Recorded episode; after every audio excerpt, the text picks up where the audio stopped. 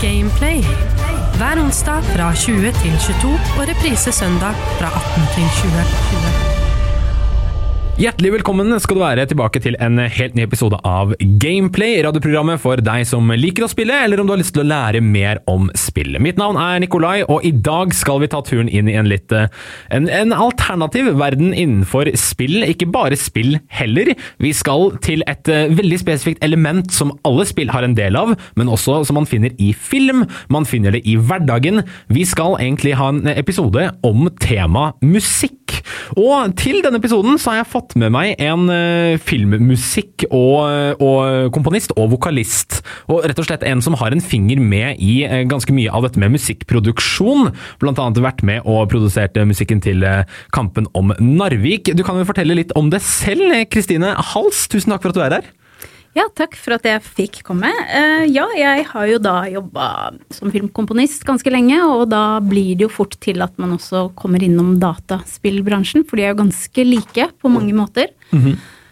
uh, ja, filmmusikk er jo ikke interaktivt, men det, er jo, det handler jo om følelser som skal forsterke det man opplever, da, sånn at man går inn i filmen eller handlingen i spillet.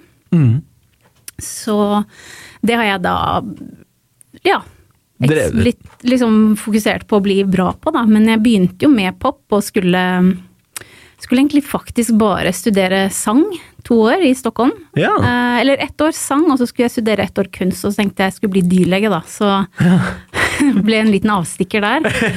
eh, og så, når jeg søkte sangutdanninga, så tenkte jeg at jeg måtte liksom ha doble sjansene mine, så jeg søkte musikkproduksjon også. Og så kom jeg inn på musikkproduksjon og ikke sang, og det var jeg egentlig veldig glad for, for jeg hadde ikke lyst til å bli en sånn typisk singer-songwriter.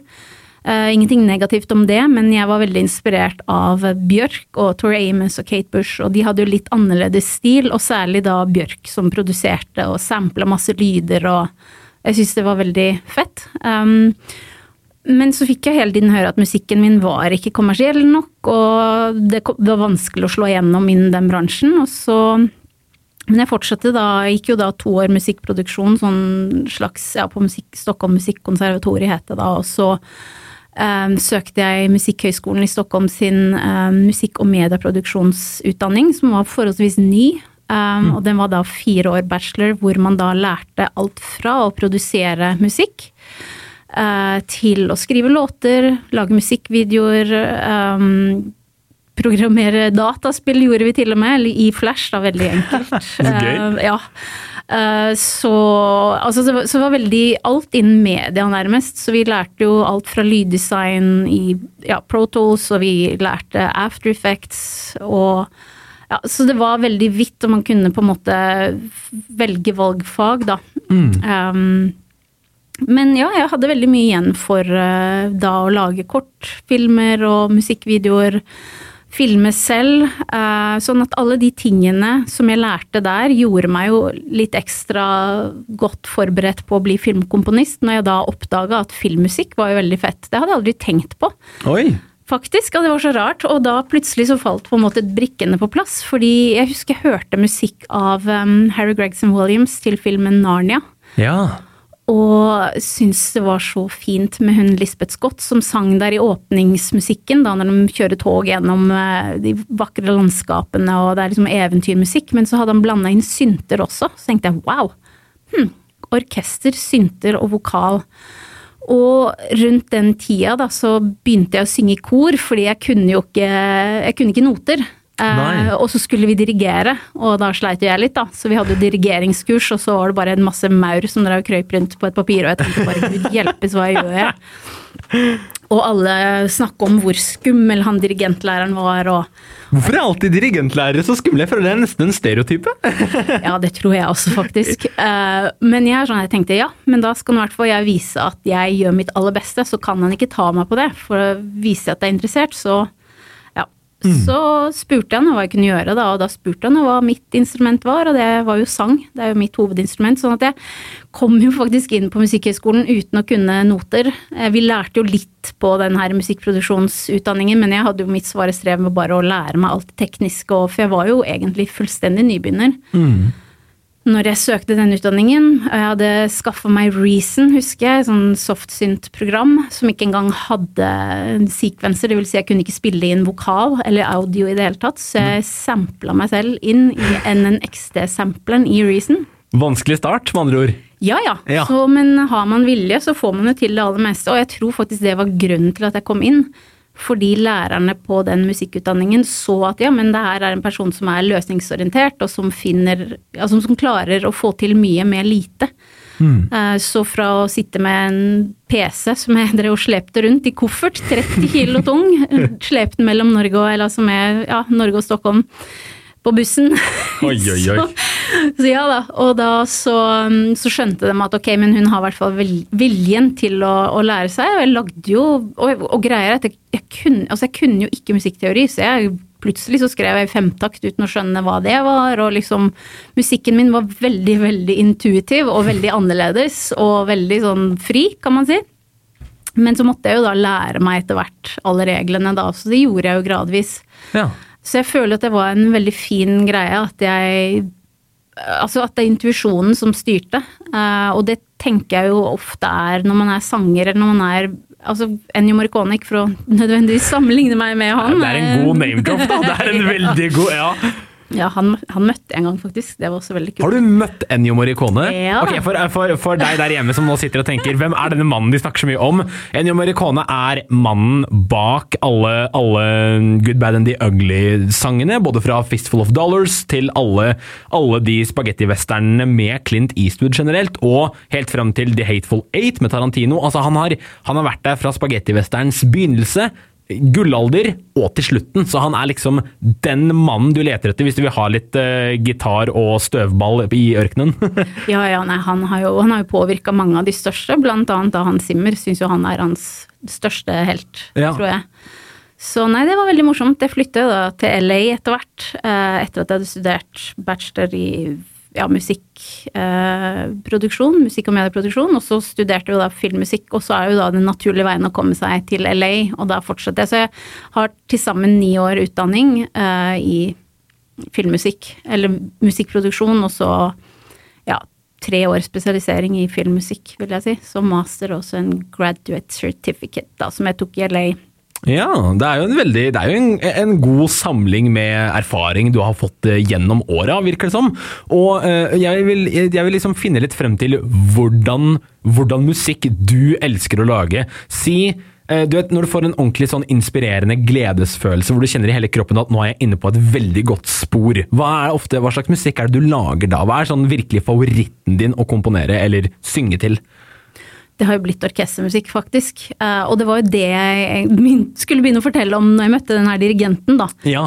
Fordi da ble jeg jo eksponert for et orkester for første gang. Altså jeg fikk liksom se dem på nært hold, og jeg ble jo så overvelda og forelska i den lyden, for det var så mektig. Så det første korstykket jeg fikk være med, eller korstykket, altså første kormusikken jeg fikk være med å synge, da var Forés Rekviem. Og det er som en sånn vuggevise Men ja, Rekvem er jo dødsmusikk, eller hva man skal kalle det. Men det er mer som en vakker vuggevise. Og jeg ble så satt ut av hvor vakkert det var. Og ja, det var, det var bare helt magisk. fordi frem til da så hadde jeg jo komponert musikken min i Reason, da også etter hvert Logic. Så vi satt jo der i ja, fra å sitte og komponert på den lille PC-en min, eller lille monster-PC-en min som jeg slepte rundt i kofferten, til å havne i et studio hvor man hadde analoge miksebord og ordentlig skikkelige greier og bra mikrofoner, sånne svindyre mikrofoner. Det var helt sånn Det var så rart å få lov å, å leke med det, da. ja. Men så når jeg da hadde kommet inn på Musikkhøgskolen eh, og ja, skulle lære meg noter, så ble jeg jo da eksponert til orkester, da, for jeg begynte å synge i det her koret. Og jeg er en sånn person som bare sånn, En av mine kollegaer i, som jobber i NOPA, da, det er Komponistforeningen, bare sa Kristine, du, du har sånn naiv optimisme. og så tenkte jeg det er et så fint kompliment, på en måte, og det er grunnen, føler jeg da, til at jeg har fått lov å være med på så mye spennende. Fordi når jeg begynte å synge i det koret, og ja, fordi jeg ikke kunne noter, men fikk se et orkester, så tenkte jeg bare herregud, må jo jeg, jeg må jo lære meg noter så jeg kan, kan skrive for de her musikerne og koret, for det var så magisk. Så jeg hadde ikke vært der så veldig mange måneder før det da var jul, og jeg sto der og tenkte bare herregud, jeg må altså Jeg husker jeg sto der på den første julekonserten og så bare sendte sånn ønske opp i det vakre kirketaket der at bare ja, jeg må få fremføre Snø. eh, en, av mine låter, en av mine første låter som Ja. jeg skrev midt på sommeren. Når jeg savna snø. Eh, og så spurte jeg bare dirigenten da, Sonny som han het, eh, kan jeg få låne orkesteret? Ja. Og han visste jo at jeg ikke kunne noter, men han ble vel kanskje overrumpla da, at noen i det hele tatt var såpass tøff at, eller frekk at de spurte om å få låne orkesteret. Men jo da, det, det skulle jeg gjerne gjøre. Det var, han ville gjerne høre hvordan musikken låt, da, at jeg hadde en, liksom, en skisse på det. Og så ville han ha partitur, og jeg tenkte bare hm, partitur, ja, hva er det for noe? ja, hva er det for noe? Jeg vet ikke, jeg. Ja, det er jo der du samler alle ulike stemmene, da. Alt fra fløyte på toppen til eh, kontrabass i bunnen. Oh, ja. Så du har jo alle de. Så det er jo ganske mange stemmer i et orkester. Ja. Som skal Ja, så jeg måtte jo da lære meg instrumentering, og lære meg hvilke instrumenter som går sammen, og hvilke registre de kan spille i, og Ja. Så, så du, er ikke, du er ikke ukjent med å ta ting på strak arm? Jeg er nok litt uredd, og så får jeg angst etterpå, da. Men da må jeg på en måte leve opp til forventningene. Liksom når, jeg, når du får ja til å låne et orkester, så skusler du ikke bort det. Da, så jeg, ja, jeg brukte over seks måneder på å skrive mitt første orkesterverk, da 'Snø'. Ja. Eh, Så jeg orkestrerte jo da den låten som jeg hadde lagd, og så for kor og barnekor, og så meg som solist. Og den endte jo opp med å bli spilt på hele åtte konserter. Oi, To år på rad, så det var veldig morsomt. så gøy. Men hvis vi drar litt tilbake til eh, dette med eh, at du møtte, at du møtte selve Ennio Morricone. Jeg må høre litt mer om det. Hva var, hva var, hva var settingen der? Da var jeg på det amerikanske versjonen av NOPA, da. eh, SEL, eh, The Society of Lyricists and Composers, sin um, Det var eh, Jeg tror at det var sånn Oscar-fest. Jo, han var vel nominert, han, til uh, The Hateful Eight, og da var han i LA. Og så var det en fest, og jeg husker ikke helt hvor, hva det stedet het, men jeg kom tidlig. Jeg er sånn ganske flink på networket, tror jeg. Så jeg kom tidlig, og jeg, jeg er ikke redd for å møte nye folk. Og jeg er veldig nysgjerrig på folk og genuint interessert i mennesker. Så jeg bare gikk inn der, kjente ingen, gikk bort og begynte å prate med en eller annen litt eldre fyr. Da. Han virka hyggelig, og vi prata sammen, og han var italiensk og begynte å prate om seg og sine ting. Og så ja, så bare Ja, har du lyst til at jeg skal introdusere deg for eh, Ennio Morricone? Bare, eh, ja. Gjerne det! Veldig gjerne. Ja. Så, så det, var, det var så absurd, fordi jeg føler at det er litt det folk ofte kan glemme, da, som er litt nye i bransjen, er at de tenker at de skal bare gå rett på sak og bare gå forbi andre mennesker som de ikke vet hvem er, men de skal bare snakke med kjendisene og er veldig sånn Og det, det, det syns jeg kan være litt ugenuint, eller hva man skal kalle det. At det er litt sånn Men du vet jo, altså det er Jeg syns det er veldig sunt og viktig å være nysgjerrig på alle du møter, for du vet jo ikke. Du kan jo møte noen som du har mye mer igjen for å snakke med enn bare å gå rett bort til de kjente, store navnene. Og så kan du også møte folk som kjenner de store navnene og kan introdusere deg. Ja, ja. Som han da gjorde. Og da ble jeg sittende sammen med han, altså Ennio Morricone, og Lalo Schifrin, som heller ikke er en liten figur i filmens verden. Så det var helt Det var helt magisk. Så utrolig det var så kult. fin opplevelse. Så, så det var sånn jeg ble kjent med han, da. Eller Ja. kjent med han, herregud. han. Det var Det var sånn jeg fikk hilse på han. Ja, herregud. Ja, nå er vi buddies, liksom. Men fra bestevennen til Ennio Morricone så over til, over til videospillens verden. Hva har du å eh, komme med der når det kommer til eh, spillmusikk? For du har jo hatt spesielt eh, litt erfaring med League of Legends, slik jeg har forstått det. Hvis jeg nevner de championene Orn og Udyr, så har du hatt noe med musikken deres å gjøre. Ja, Orn er jeg veldig glad i, fordi han var den første karakteren som jeg fikk synge til. Altså, bare League of Legends er dritstort. Det er vel et av de største spillene i verden. Ja. De har liksom 150 millioner spillere i måneden, så det er jo helt sånn sykt. Uh, og jeg ble kontakta der i 2016, tror jeg det var, uh, da jeg bodde i LA. Og det var da som et resultat etter å ha sunget i Frost, og der skrev jeg jo også en norrøn tekst. Ja. eh, som de synger da. Eh, Så jeg synger jo i Frost, eh, og så skrev jeg den teksten. Og det hadde jo noen da fått med seg, at ja, men vil du ha et nordisk sound, så går du til Kristine. Så jeg ble jo anbefalt da å ja, Dukka opp der på kjempe... Fikk eh, spille inn i Warner Bros Studios. Um, på den legendariske um, Alfred Newman scoring stage. Eller Ok. Newman scoring stage. Og så fikk jeg da synge på den monsterstore Der hvor det er liksom orkester på Jeg vet ikke hvor mange pers de får plass til inni der, men der sto lille jeg da og sang eh, tema til Orn, som er eh, på freljordisk, da, som jo er da inspirert av norsk, norrønt, eh, færøysk, nederlandsk Ja, Det er veldig gøy. Språk. Ja, kjempegøy. Og det fikk jeg jo da fordi at jeg eh, løy på om at jeg kunne norrønt en gang da Disney spurte om jeg kunne det. Ja, men Så fint! Da kan jo du synge en hel sang. Ja, ok, Ikke så mye norrønt, kanskje?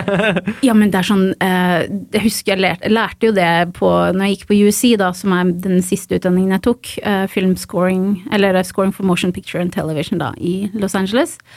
Så husker jeg de bare ja, er det noen som spør om du kan noen ting? Så er svaret alltid ja. Så går du bare hjem, og så finner du ut hvordan. For eksempel hvis du ikke kunne Cubase, da, så skal du bare Det er ikke så vanskelig å lære seg det hvis du kan Logic, for eksempel. Ja. Men jeg tror ikke de mente at du skal lyve på deg at du kan et utdødd språk. Det er veldig gøy. Det er en morsom historie. Du sitter på mye bra her, syns jeg. Ja da, jeg har Ja. levd et ganske spennende liv, eh, og sikkert fordi at jeg er såpass uredd. Men det var ikke sånn at jeg var helt fremmed for norrønt. Jeg ble veldig forelska i det språket da jeg var 16, og forelska med en islandsk trommis. Ja. Ja da, Da er det jo så det kan du forklare litt. Og da lærte vi jo litt norrønt på skolen. Ja. Uh, og jeg syntes det var så vakkert språk, så jeg satte meg jo veldig inn i det. Og når jeg da kom til LA, så tenkte jeg at det var veldig lurt å spille på at det er norsk, og at det, ja, vi er vikinglandet og litt folkemusikk og ja. Så jeg sang, sang tekster fra Edda. Som jeg da hadde lært meg uttalen på, og så prøvde jeg liksom å lære meg. Så jeg var jo ikke helt fremmed for det, og når, så da turte jeg å si at ja da, men det kan jeg. Og leste jo den teksten som noen andre hadde skrevet, som Disney ikke var fornøyd med, og så tenkte jeg at ja, men ja, det var jo en veldig fin tekst. Det var den. Mye mer eh, eloquent, eller hva jeg skal si. Bedre skrevet sånn kunstnerisk skrevet enn hva jeg kunne. Eh, Men det jeg kunne, som var min fordel, var jo at jeg er musiker, sanger. Og jeg vet at det er veldig viktig å ha vokalene på rett plass for at koret skal låte bra. Ja. Eh, Så det var der min fordel kom inn. Da, at jeg, så jeg skrev en tekst som jeg da fikk hjelp av en, eh, en norsk lingvistiker som heter eh, Arne Torp, heter han. Arne Torp. Ja. Ja, kjempetrivelig fyr som kikka gjennom teksten min, og så fant jeg tror det var én feil. Og Ja. så retta jeg på den, så tusen takk for det, Arne Torp. ja, det så, det er, eh, så det var veldig morsomt å få lov å skrive den teksten. Og jeg har nå skrevet uh, musikk til en vikingfilm hvor jeg også skrev norrøn tekst. Så, ja. men det er, det er litt vanskelig, da. Men det tar tid. Mm. Ja. Det er, jo, det er jo hele prosjektet, dette her. Å skrive disse tekstene og synge de og fremføre de og få alt til å gå opp i alt, helt til det blir et sluttprodukt. Eh, og jeg vil gjerne ta eh, litt sånn generelt, fordi eh, vi snakker jo mye om spill her på Gameplay, og spill består jo av mye. Det består jo av design, figurer gjerne, mekanikk, gåter, alt mulig, og musikk, som er liksom et underliggende tema i nesten alle spill. Altså musikken er jeg vil kanskje si et av de viktigste komponentene til at et spill kanskje er så bra som det er. Noen spill er jo eh, sånn som dansemattespill, rytmespill, de går jo bare ut på musikken. Andre spill, som blant annet et eh, spill som heter Undertale, eh, er nesten som en musikal, hvor det er et tematisk verk som går igjennom hele spillet flere ganger i forskjellige tempoer, slik at den setter stemningen. Går den sakte tempo, så er det fordi det er et mørkt område, og når den går raskt, så er det fordi det er i en bossfight, og da skal det være liksom stemningen, da.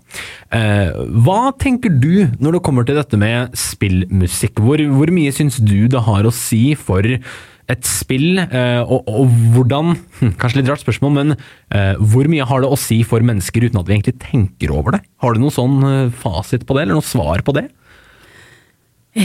Ja, si det. Altså for meg så er musikk det endrer humøret mitt så mye.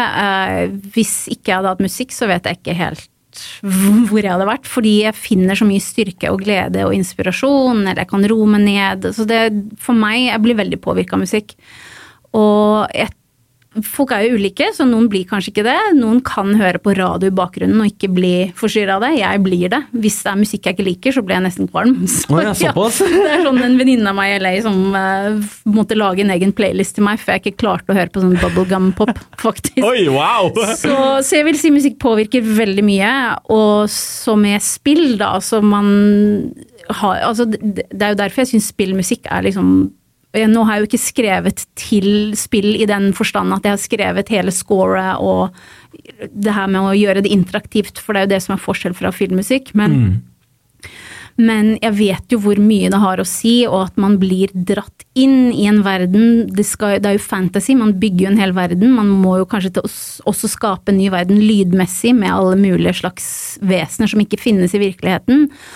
Og musikken gjør jo at alt blir litt ekstra majestetisk. Altså, se for deg Ringenes herre uten musikk. Eh, eller feil musikk. Det hadde jo blitt helt merkelig. Hadde jo vært Ringenes herre. Det hadde jo ikke vært det. Og vi har innebygd i oss eh, hvordan musikk som f.eks. Ringenes herre skal ha. Altså Den må være litt eventyrlig og ha visse, visse skalaer som er veldig eventyrlige. Uh, instrumenter, sanger, kor. Altså det, det skal låte på en viss måte, og hvis det blir feil, da det blir, det blir Altså, jeg føler at det blir feil. Det er som å se på en film med dårlig lyd. Eh, billig lyd. Da blir filmen billig, selv om den ser kjempefint filma ut. Uh, sånn at musikken, jeg syns den blir finishen. Som ingen ser, men som du føler. Så intuitivt så føles det bare veldig rett, hvis musikk og lyd er rett. Ja, Har du et, har du et uh, veldig godt svar, men har du et, uh, spill uh, du har sett eksempel, som har vært ute, eller en slags spillsjanger som du kunne ønske du kunne komponert eller laget noe musikk til? Har det vært en eller annen kategori du har hatt lyst til å Det kunne vært gøy å prøve seg på en gang i livet, da? Jeg syns jo actionspill virker veldig kult, da. Sånn som Assassin's Creed eller et eller annet vikingspill. eh, Fordi jeg liker Og, Og, fantasyspill, fantasy, fordi jeg elsker å bruke fantasien og det majestetiske, og bruke store orkestre og liksom virkelig spille ut eh, fra det bitte lille forsiktige og følsomme, såre, til det gigantiske, store, mektige, pompøse.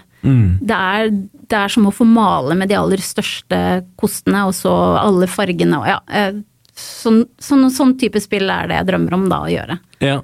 Er, er det et spill du føler har en perfekt balanse mellom, eh, mellom musikk og eh, hvordan spillet er? Er det liksom et spill Det kan også gå, gå over på film, egentlig. Er det et spill eller en film du har sett hvor musikken, du føler musikken har passet helt perfekt til alt som skjer i filmen eller spillet? Ehm, ja, hva skal jeg si der? Jeg syns det er sånn Hvis musikken Eller bare sånn, jeg husker jeg så en film av Eller av, det er ikke han som Han hadde skrevet musikken, da, Johan Johansson. Han døde jo dessverre altfor ung.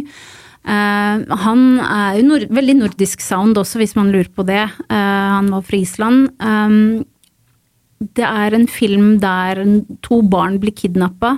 Eh, hva var det den het igjen, da? Um, så det er veldig morsomt når man skal fortelle hvilken film den ligger der på tunga et eller annet sted. Er det 'Prisoners' du tenker på?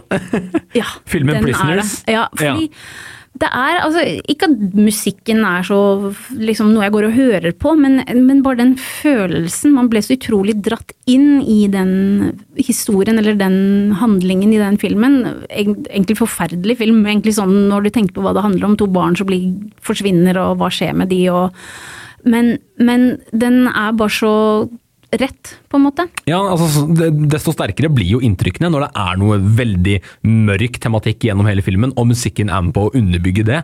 Så, er jo det, så legger det igjen enda sterkere inntrykk. Eh, Jeg syns det har vært en god prat. Takk for at du har gitt meg litt innblikk i eh, din musikkbakgrunn, også hva du har jobbet med, hva musikk har å si for både deg, men også for alle mennesker.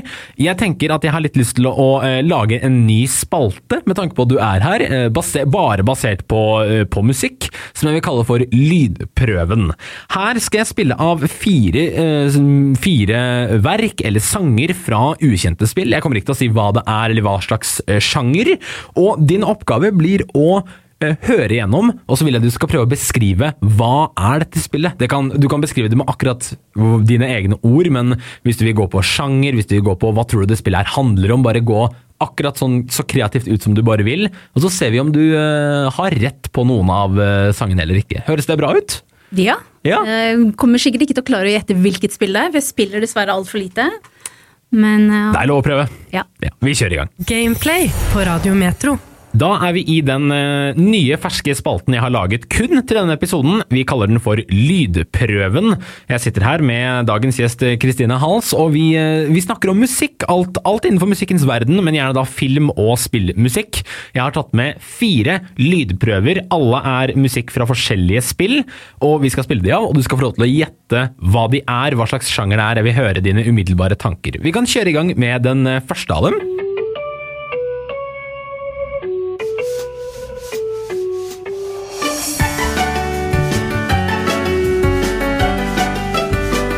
Det er en eh, veldig sånn listig, ja. listig tone. Så, så ikke noe sånn her actionspill eh. Nei, hva tenker du? Hva tenker du? La, la meg høre hva du tenker. Ja, nei, med det bruk første- av instrumentene og sånn. Jeg tenkte først at det er kanskje Altså jeg tenker at det er et plattformspill, eh, hvor man liksom typisk at man går fra venstre til høyre og hopper over ting og eh, ja, og Mm. gjerne for barn, da, at man kanskje flytter noen ting hit og dit. For det var noe sånn sj i starten, så jeg så for meg kanskje at man flytter et eller annet. Kanskje det kan være noe sånt. Men, og først så tenkte jeg at det kanskje er noe du flytter noe rundt på skjermen, som du ser og tar musa og du gjør sånn. Men så tenkte jeg, når den begynte å bevege, når musikken fikk liksom litt fart på seg, så tenkte jeg at nei, men den, nå beveger den seg. Ja, Så da er det et plattformspill, ser jeg for meg, der, hvor man liksom hopper. Plattformspill. Har du noen navn du vil slenge ut, eller bare tenker du plattformspill generelt? Altså For meg så er jo plattformspill de der eh, fra 90-tallet, sånn Super Mario, Psycho Fox, Alex Kid in Wonderland og Sonic the Hedgehog. Så Ja. De spillene er jo det jeg syns er morsomt, Ja. fortsatt. ja, altså det er gøy, og det lages jo enda i hytt og pine. Det kommer jo nye Mario-spill hvert år, eh, nesten. Så det er eh, Jeg syns det er et veldig godt gjett. Jeg kan jo avsløre hva det er. Eh, du er jo veldig inne på det når det kommer til det barnevennlige, men det er litt kanskje utenfor boksen. Dette her er musikken til Sims 2. Det har jeg aldri spilt. Har du ikke det? Nei. ok, for det er Men jo det ikke er vel sånn Det er ikke plattform, for der ser du vel Du ting ser det ovenifra, ja. Og så Ja. kontrollerer du en familie, da. Det er det Ja. det dreier seg om. Og nå er det jo på Sims 4, så det her er egentlig ganske lenge siden. Men det er den som er kanskje den mest sånn klassiske Sims-melodien for, for sånne som er født på, eh, på min alder, da. Eh, For eh, dagens unge så er det kanskje litt mer Sims 4 som gjelder, men den her kommer alltid til å være ganske nært hjertet mitt. Men jeg synes det var veldig, veldig godt. Jeg liker den samtalen. Det er det vi har. Litt sånn at du synser hva det er. Vi kan prøve neste melodi. Mm. Dette her kan jeg også si er en av mine personlige favoritter når det kommer til musikk generelt i spill. Oi. Så gi en liten eh, oppbygging der.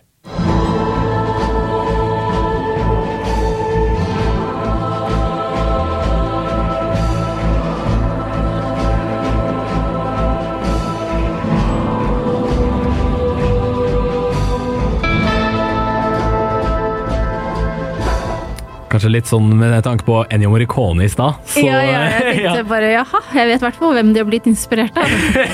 ja, ja hva, hva tenker du her? Oi, um, ja Jeg syns at den høres litt sånn 2000-tallet ut. Eh, sånn ikke ny, men kanskje tidlig 2000-tall. Sånn i lydmessig, produksjonsmessig, ser jeg kanskje for meg det. Sånn 2005-2004. Jeg vet ikke. Jeg gjetter vilt. Mm, ja. uh, og western ser jeg for meg at det er. Eh, ja, og det er, det er litt vanskelig å si om det er sånn litt sånn barnevennlig. Inni hodet mitt så dukka Toy Story opp av en eller annen merkelig Ja, grunn. ja, ja, ja, ja. fordi cowboy Eller ja, ja. Django eller et eller annet sånt. Så, men, men helt ærlig så vet jeg jo absolutt ikke hva det er. Nei, det er, eh, det er jo helt eh, Det er ganske selvforklarende. Det er jo western. Mm. Eh, Det er det spillet som heter Red Dead Redemption fra, fra Rockstar, de som har laget også GTA. Så det her er ikke så veldig barnevennlig, men jeg syns det er en utrolig enkel melodi. Det er liksom den derre Og så er det bare den om og om igjen. Men eh, de bruker den også i oppfølgeren Red Dead Redemption 2, men i forskjellige fasonger, så den kommer som en sånn remix da, av og til for å igjen dra med det tematiske at sånn Vi er fortsatt i Red Dead Redemption-verden, men vi utvikler oss, og det er litt annen variant på musikken. Og Det syns jeg er veldig, en veldig spennende ting, da, hvordan de bruker det gjennom en spillserie.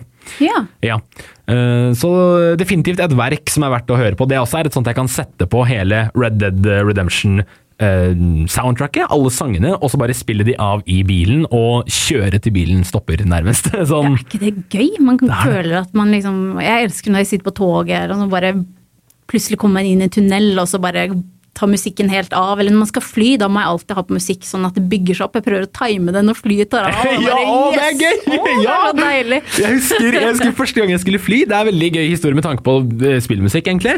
Første gang jeg skulle fly, da var jeg ti år. Det tok ganske lang tid før jeg liksom satte meg inn i et fly. Men da skulle jeg til London, hadde fått det i bursdagsgave, og var veldig, jeg var veldig nervøs. For jeg hadde aldri flydd, jeg visste ikke hvordan jeg kom til å reagere i, i veldig høy høyde, da.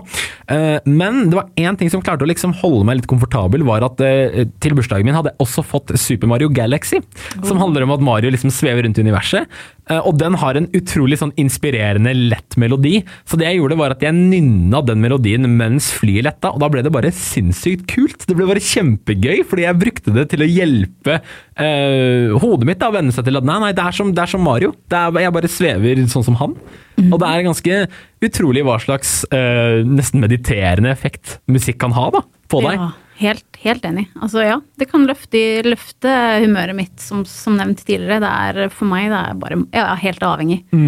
Skal, vi, skal vi prøve oss på Vi har to til her. Eh, Ja, Kan da- du spørre hvilket år det er fra? For jeg var nysgjerrig på om Ja! jeg gjetta rett. Den Men, første, som er Sims eh, 2, den er jo fra åh, hva er det da? 2005, lurer jeg på om vi skal til? 2006. Mm. Den andre, eh, Red Dead Redemption, er fra 2010. Så det var ganske likt som du sa med at det er i starten av 2000-millenniumet, liksom.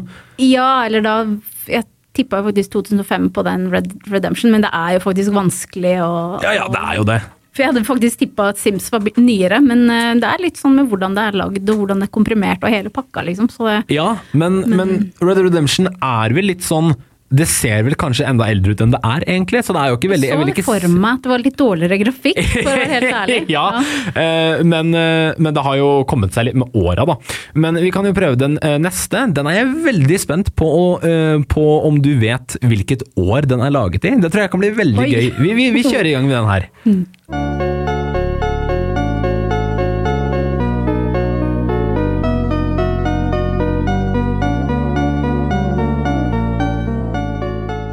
Veldig mediterende. Veldig sånn Ja.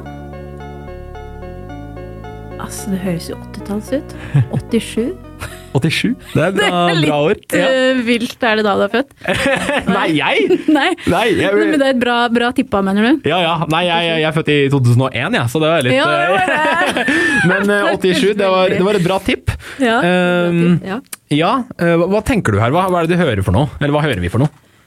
Em, det høres ut som noen litt flyvemusikk, faktisk, Mm. når du snakker om det. Og så tenkte jeg bare sånn soundscape, eller lydmessig, at det var Bubleboble. Et spill som jeg tror det var vel Nintendo Nei, var det Atari? Jeg husker ikke hvem som hadde Bubleboble. Jeg tror kanskje det var Nintendo, men uh, jeg syns bare at lydene ligna litt. Og det er liksom syntene da, som kom på 80-tallet, som Ja. Mm. Og så jeg tipper at det er ja, Jeg vet ikke, det høres ut som, ut som det er noe Nintendo eller Sega-spill. Ja. Ja. Jeg syns det er et veldig bra tipp. Eh, Det er litt for å lede deg av, for det her er et spill fra 2015. Men det er en morsom historie her. Ja. Eh, Det spillet her heter Undertale. Jeg snakket om det i stad, faktisk. Og er laget av én mann som heter Mm. Ja. Toby Fox. Og han er egentlig er egentlig musiker eller komponist. Det er det han gjør. Ja. Så han har også da laget hele musikken eh, på egen hånd. Så det her er jo da noe han har kom komponert på uh, Mac-en sin, da antageligvis, i Logic eller hva det er for noe. Ja, ja. Og er en melodi som kommer igjennom spillet ganske mye, men, eh, men det er veldig eh, rolig. Tilsynelatende barnevennlig. Det er egentlig et ganske dypt spill, men det er Det skal liksom gi deg denne følelsen av komfort, da. Sånn jeg, jeg, jeg vet ikke, det har en veldig spesiell Det er noe med takten, det er noe med melodien, det er noe med hvor eh, bakgrunnslyden eh, så, som, som gir meg veldig ro i sjela. Og jeg vet at den har blitt brukt mye til det. Mye sånn meditasjonsmusikk, da. Men hva slags spill er det? Eller hva Ja, det er et, det er et pikselspill, så det ser ut som eh, et spill fra 87. Ja, det gjør det. Og det er litt det som er, er sjargongen der òg. Og handler rett og slett om en eh, gutt eller jente som har dette ned i en monsterverden fra jorda, og så prøver hun å komme seg opp igjen. Og så blir hun kjent med alle monstrene som bor der, og så er det fullt av forskjellige avslutninger av måten du gjør ting på. Og spillet er altså veldig selvbevisst, som er veldig gøy. Så øh, under siste bossfighten så, blir, så, er den så sterk at spillet øh, lukker seg av seg selv. Fordi at bossen ødelegger spillet, liksom, og så må du starte på nytt. Og så står, Det jeg. så står rolling screenen der i ti minutter før han kommer og sier at du gir ikke opp, du. Og så kommer han tilbake igjen, og så fortsetter dere kampen, liksom. Så det er veldig selvbevisst, og den er utrolig god på å liksom lure spilleren litt. Ja, det er, det er et mesterverk, og det er lagd av én person, hovedsakelig, da. Ah, Så- han, det var fett. Ja, Toby Fox, eh, godt, eh, godt jobba der ute, om du, om du hører på. Men eh, et veldig, veldig godt spill, og anbefaler til både voksne og barn, egentlig. Ja. Uh, vi kan prøve siste, hvis du er klar. ja. Jeg forventer ikke at du klarer den her. Jeg forventer ikke at noen klarer den her, men jeg ville bare ta den med fordi jeg syns det er utrolig undervurdert eh, musikk, og så ville jeg bare presentere den til deg. Vi kjører i gang.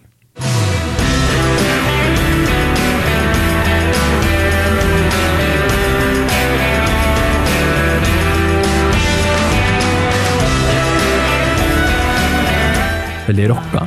Ja, ja, ja. Det var, det var veldig fin musikk. Ja.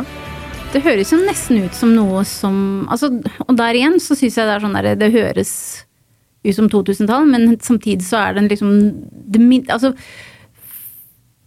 League of Legends har jo brukt veldig mye pop eller rockelåter og litt sånne ting, så jeg tror at det her er sånn som de kunne ha likt, men jeg tror ikke det er dem. Jeg, men jeg ser for meg kanskje at det er et spill som er stort i Asia, av en eller annen grunn. Du er flink. Her er du flink, her er du på. Oi, vi skal ja. til 2000-tallet, vi skal til Asia. Ja. Eh, så det er veldig bra. Det er eh, japansk. Eh, musikken er fra, uh, kanskje litt uh, uventa, uh, horrorspillet Silent Hill 2. Oi. Som var et spill på jeg tror det kom til 2002. En av de litt sånn tidligere PlayStation 2-spillene, var det vel da. eh, eller PlayStation 1. Som var eh, et, et, gått ned i historien som et av de beste eh, skrekkspillene.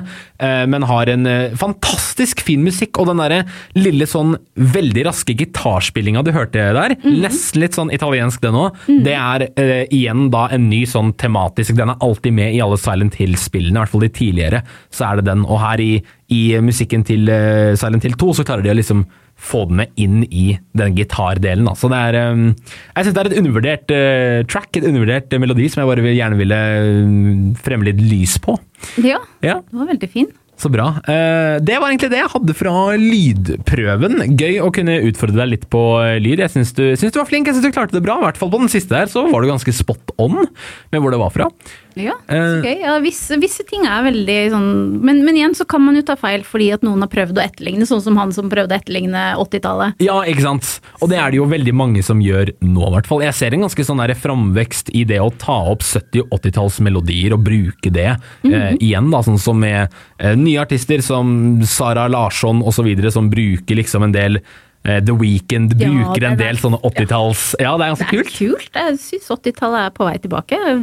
Så, så nettopp en TV-serie som heter Death and Love, som er filma Eller som skal være fra 80, 70, slutten av 70 til begynnelsen av 80-tallet. Og det var så kule møbler. Jeg husker ikke at det var Jeg er jo født på 80-tallet, og jeg husker Ja. ikke at det var så fint. Men det har mye å si hvordan det filmes. Vi har sett Stranger Things også. Ja.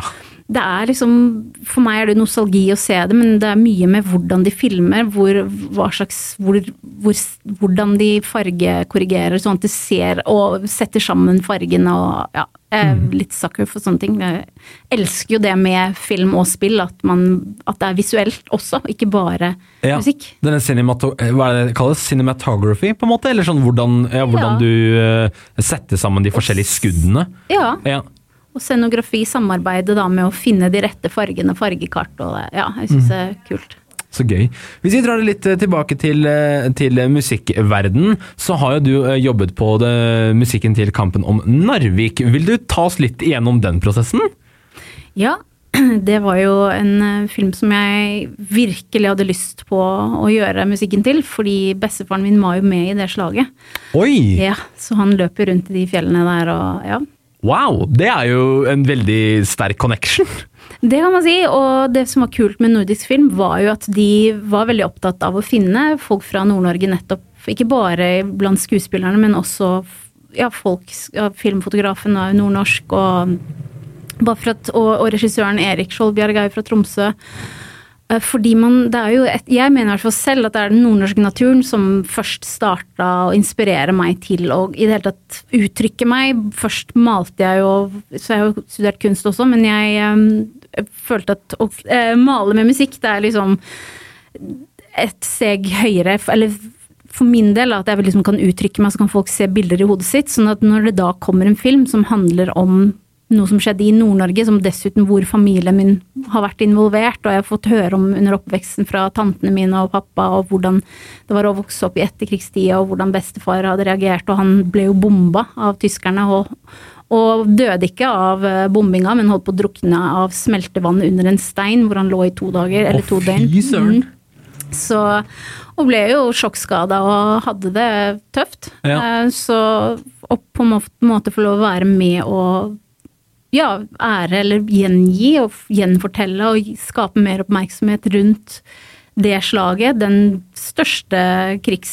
Eller altså det største slaget på norsk jord i nyere tid, som nesten ikke har fått noe oppmerksomhet. Og jeg har jo vokst opp, født i Drammen og vokst opp stort sett eh, på Tranbygda utenfor Drammen, og ikke hørt så mye om hva som skjedde i nord. Så det hørte jeg bare hjemme der, og tenkte at ja, men man kanskje snakker bare om krigen der eh, som er i nærområdet, men det var jo et kjempeviktig slag. sånn at når de da skulle lage film om det, så tenkte jeg herregud, denne filmen må jeg ha. Ja. Må jeg skrive musikken til. Så, og jeg hadde jo ikke veldig mye erfaring. Hadde én langfilm på CV-en, liksom. Og, eh, men jeg begynte, begynte liksom å Jeg fikk jo komme på møter, og jeg syns nordisk film var veldig fine der. At de var veldig åpne og veldig, ja, som sagt, veldig ivrige å få tak i noen som kom fra Nord-Norge. Men det var ikke det, selvfølgelig ikke derfor jeg fikk jobben, for jeg måtte skrive sinnssykt mye musikk og brukte, hadde masse møter med dem. og så, men jeg tror de syns at jeg da fanga soundet av Nord-Norge og den nordnorske naturen, tror jeg at jeg da fanga i, eh, i musikken. Og naturen var en veldig viktig del av det slaget, fordi tyskerne var jo ikke forberedt på at det skulle være så kaldt som Nei. det er i Nord-Norge, og ikke kjente det terrenget sånn som nordlendingene gjorde. Og så, så det var en veldig viktig del av slaget. Mm. Eh, så ja, og så når jeg da til sist fikk filmen, så bare jeg tenkte herregud, nå, nå har jeg igjen tatt på meg eh, Du vet, jeg har vært tøff i trynet og bare ja, så, ja, Ja, så. Men eh, ja, det gikk jo bra. Jeg jobba veldig hardt, og jeg det, filmen ble jo også utsatt pga. pandemien, men jeg var så fra jeg fikk filmen, eller fra jeg begynte å pitche til filmen Jeg pitcha og skrev masse ulike, over 20 ulike stykker musikk basert på manuset. Og selve Narvik-temaet, det ble faktisk med. Sånn at det hovedtemaet, det skrev jeg før jeg fikk filmen. Men det, Ok. det syntes både produsentene og regissøren at det her låter jo som Nord-Norge. Oi! Og ja, og så mens vi da venta på å få filma andre halvdel av filmen, for den ble jo utsatt, filminga ble utsatt pga. pandemien, da skrev, da skrev jeg eh, heltetema da, som ble brukt i traileren. Og det var også faktisk veldig morsomt, fordi som filmkomponist så er det sjelden sånn at man får tid til å skrive musikken til traileren. Fordi man sitter og gjør ferdig selve musikken, for er på slutten, når, du, når alt begynner å skal falle på plass, da er det plutselig veldig lite tid igjen. Og som komponist eller lyddesign eller visual effects, det er liksom de som lever i press. Ja. Og da har man absolutt ikke tid til å skrive trailermusikk, men det fikk jeg jo da gjøre, og den heltetemaet, det ble også det med i, i selve filmen, da. Så det var veldig morsomt å få lov å, å skisse til et manus og være med helt fra starten av. Jeg fikk jo være med på når de filma i Drammen. Eh, fordi Drammen hadde ikke blitt bomba på samme måte som Narvik. Narvik ble jo bare bomba sønder og sammen. ja. Eh, Så da dro de til Drammen for å finne noe som ligna på, altså bygninger som ligna på den stilen som var i Narvik, da. Før det ble bomba? Ja. Ja. Så, så derfor så fikk jeg jo være med der. Så det var litt morsomt at fødebyen min, da, og så likevel så handler det om der familien min kommer fra, da, i, i Troms. Ja, det blir liksom veldig, noen- ja. veldig direkte, veldig lokalt, eller veldig sånn en sterk connection. Ja. Uh, men for å uh, avslutte litt, uh, vi, vi må begynne å, eh, begynne å wrappe det opp, så for en liten avslutning så har jeg et siste spørsmål, for jeg så også at du har hatt en liten rolle med når det kommer til God of War-spillet, og det er det jo mange som er. Altså God of War er et av de største sånn spillseriene der ute. Kan du fortelle oss litt om eh, hvorfor er du kreditert der? Ja, eh, det var jo Det begynte jo med da at jeg studerte i, USA, eh, og hadde funnet ut etter å ha studert i Sverige også at vi i Norge har et eget sound. Vi har egne instrumenter, og musikken vår er veldig prega av, på samme måte som dialektene er prega av landskapet vårt, så vi har jo noe som heter kauking, eller kulning da på svensk, som er kulokking. Hvordan man lokker dyrene ned fra fjellene. Ja.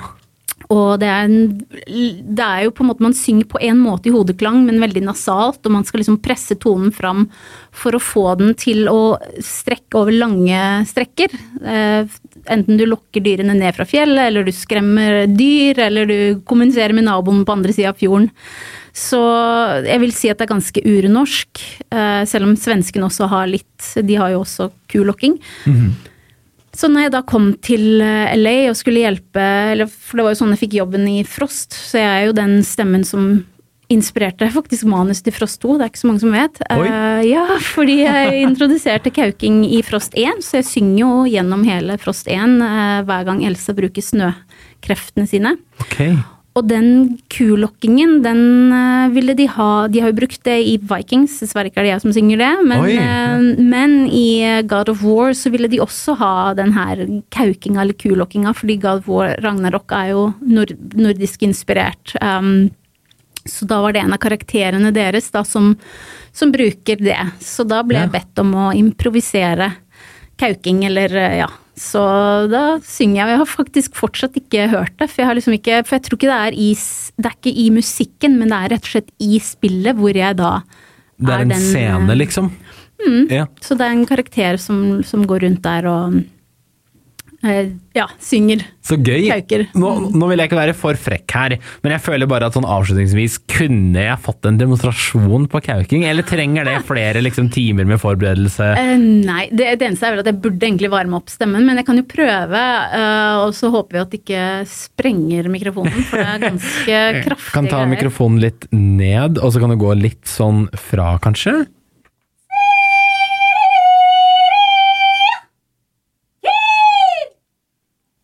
Wow! Ja, men det Hvordan får du opp en så lys, høy tone? Ja, jeg vet. Folk har jo, folk jo kontakta meg og spurt meg om å holde kurs i det og sånn, og, og, det var jo egentlig sånn um, altså God of War, eller De kontakta meg og bare ja, hei, kunne du tenke deg å, å, lære bort denne teknikken? Så sa jeg bare at jeg, jeg vet ikke egentlig om jeg tør, fordi at hvis man gjør det feil, så Fordi man presser jo Det er jo veldig press, da. Og jeg ja. vet ikke om jeg, jeg har aldri lært det av noen, jeg lærte det av bestemor, så det er jo mer sånn at jeg hører det inni hodet mitt, hvordan det låter. Og egentlig sånn jeg begynte å synge. Jeg sang etter andre artister og hørte hvordan uh, Kate Bush eller Tina Turner eller hvem det nå Jeg hørte på alt mulig. Sånn at uh, Ja. Men, men, det er ikke Så jeg har jo lært meg, tatt operasangtimer og vanlige sangtimer og men akkurat kauking er litt selvlært, da, eller? På en måte, fordi man presser, man presser liksom tonen fram, og jeg klarer ikke helt å forklare det. Det er noe sånn nasalt på, uh, nasalt på en måte, uh, og det er ikke klassisk. Det er liksom som om man plasserer tonen lengre fram i masken, som de sier, eller liksom. Ja. Så, så, så, tror jeg ikke nødvendigvis at det er bra for stemmen, for jeg merker at det tar på. Ja. Så, så, det er vel kanskje det jeg prøver å si på en fin måte, er at jeg har kanskje ikke rett teknikk da, for å lære det bort. Nei, sånn ja, det skjønner jeg. Så, uh, men øh, ja, så det er sånn Så, det, så jeg merker ut det er øh, Det kan være veldig melankolsk, så det er det jo i Frost, når jeg synger i Frost, er det veldig melankolsk. Um, og jeg har brukt det i egne, egen musikk også, hvor jeg liksom bruker det mer som en sånn kraft.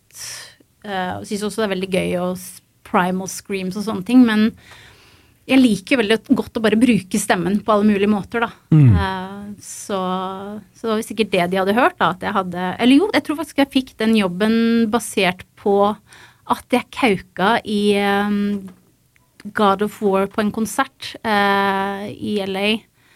Jeg fikk forespørsel om å synge sånn eh, fem dager før. Så bare hei, har du lyst til å synge på den 13 minutter lange låta uten tekst? hvor, eh, hvor, eh, de da dagen før bare Forresten så hadde det vært kult om du kunne synge de her høye tonene på slutten, men det syns jeg var det, var, de gjorde det ekstra skummelt. Ja, okay. Jeg har aldri i mitt liv vært så nervøs. Jeg trodde seriøst jeg skulle dø. Um, ja, jeg var så nervøs før jeg skulle på, det, på scenen der. Uh, for de bare ja, ja, det kommer til å være flere millioner som ser på. Jeg bare Oi! wow! wow hæ? Du kan ja, ikke bare la deg få den? Ja, de bare sa det. Og så viste det seg at det var vel 44 000 som så det, for det ble jo streama da, og nå vet jeg ikke hvor mange som har sett det sånn, men det ligger jo på internett. Um, Men da fikk jeg jo de høyeste, fineste tonene. Det ble, fikk jeg jo dagen før, som jeg måtte lære meg. Ja. Eh, så, og der kauker jeg, og da improviserer jeg kauking på scenen, uh, faktisk. Så kult. Så det var nok det at jeg kauka og improviserte som gjorde at jeg fikk uh, den her rollen, faktisk. Det er en slags i God of War 2. Eller Er den- Ragnarok, mener jeg. Er den modellert etter deg også, eller har, er det et helt annet uh, utseende? For det er jo ofte kanskje Nei, den er nok ikke det. Nå husker jeg ikke hva hun het, men hun er jo da mørk i huden og har dreads, så hun ligner ikke på meg. Nei, ok, ja. Jeg er ikke helt sikker på om det er henne, og nå husker jeg ikke hva hun heter heller. Ok, men det er det er spennende. Hvis det er en, en eller annen gamer som nå sitter og tenker å ja, er det deg? Så er det veldig, veldig gøy. Ja, Ja, Hvis det er norsk, norsk liksom som har eh, vært med, å, vært med å spille inn det. Ja, nei, det var kjempemorsomt. Så, så man vet, det er liksom det som er litt spennende med LA, at man vet virkelig aldri v- hva man kan ende opp med. Og det samme tenker jeg når man møter folk på eventer, og så vet aldri hvem man møter. Så ja, for min del så har min eh, Hvis jeg skal gi noen tips der ute, så er det bare å være Vær nysgjerrig på folk. Vær genuint interessert. Så det kan ta deg hvor som helst. Det er, en veldig veldig fin eh, avsluttende setning. Har du noe mer du har lyst til å si om musikk eh, før vi runder av? Noe sånt noe som altså et eller annet du har lyst til å eh, plugge selv? En eller annen ting du har jobbet på i det siste? Eller noe visdomsord du vil gi? Ja, jeg tenker jo bare det at eh, Altså, musikk er jo veldig viktig. Uh, jeg føler at for min del altså, har jeg vært veldig skremt av AI og litt sånn shit, hva skal jeg gjøre nå, hvis det kommer inn? Men jeg tenker jo at vi kan Altså, musikk er følelser, og det er ikke sånn at vi slutter å føle ting bare for at uh, AI kommer inn, eller jeg vet ikke. Jeg tenker bare at uh, og hvis noen sitter der ute og drømmer om å skrive musikk og jobbe med musikk, så tenker jeg bare kast det ut i det, men vær klar over at det er mye hardt arbeid, da. Mm. Det er det jo.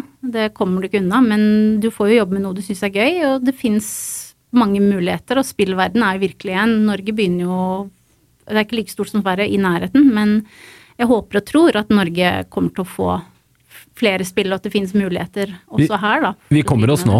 Ja, vi begynner, vi begynner å sakte, men sikkert å satse litt på spill, vi også. Som er en veldig god ting, for da kan, det er så utrolig mye god norsk kultur å hente. Sånn som Valorant Det spillet. Er. Har akkurat plukket opp en, eh, laget en norsk figur til spillet sitt. Og da brukte de liksom vafler med brunost for å liksom tease denne figuren og sånt. da. Som er, eh, så, så vi begynner å merke oss på kartet. Eh, For spillverden, men også for eh, film eh, videre. Jeg syns det. Og vet du hva, folk kan jo faktisk lage selv nå. Mm. Ja, det kan du. Altså, det er fullt mulig å skaffe seg de programmene som profesjonelle bruker, og så prøve ut selv, enten om det er å lage spill og lage musikk til spill, eller eh, hva det skulle være. Eh, og med det så tenker jeg å si tusen hjertelig takk for at du møtte opp i dag, Kristine, og ble med på dette, dette litt musikkfylte episoden. Det var veldig hyggelig av deg. Kjempemorsomt å få lov å være med. Veldig spennende. Ja. Og tusen takk. Nei, selvfølgelig. Hvor er det man kan finne deg i den vide verden? Har du noen sosiale medier du vil uh, nevne? Ja, jeg har jo mest er jeg på Instagram, uh, og så har jeg jo en YouTube-kanal hvis man har lyst til å høre mer kauking, og der har jeg jo akkurat lagt ut musikken, uh, altså behind the scenes da, for eh, League of Legends-karakteren Udyr, da, som jeg jo da komponerte musikken til. Ja, ah, spennende. Så, så der kan man jo se at jeg bruker norske folkeinstrumenter. Så, som du sier, da, norsk musikk er i vinden. Norske tradisjoner og kultur. Vi, er, vi har jo noe eget. Vi har jo en edge, syns jeg. Mm, ja, definitivt. Og, og noe som også kan brukes eh, mye, føler jeg. Og, og eh, man kan hente inspirasjon fra. Spesielt norsk kultur da, og folkemusikk og alt det har med seg. Det er utrolig mye spennende. Så jeg tenker at det er lurt å, å rendyrke det, og finne, hva man, ja, finne seg selv i det, da, og sitt eget uttrykk. Og så tror jeg at eh, da har man en god oppskrift. Og på de ordene så sier jeg tusen hjertelig takk for at du også har hørt på nok en episode av Gameplay. Vi er tilbake allerede i neste uke, neste onsdag som alltid, med en helt ny episode, helt nye spill å snakke om og en helt ny spennende gjest. Gameplay på Radio Metro. Onsdag kveld fra 20 til 22.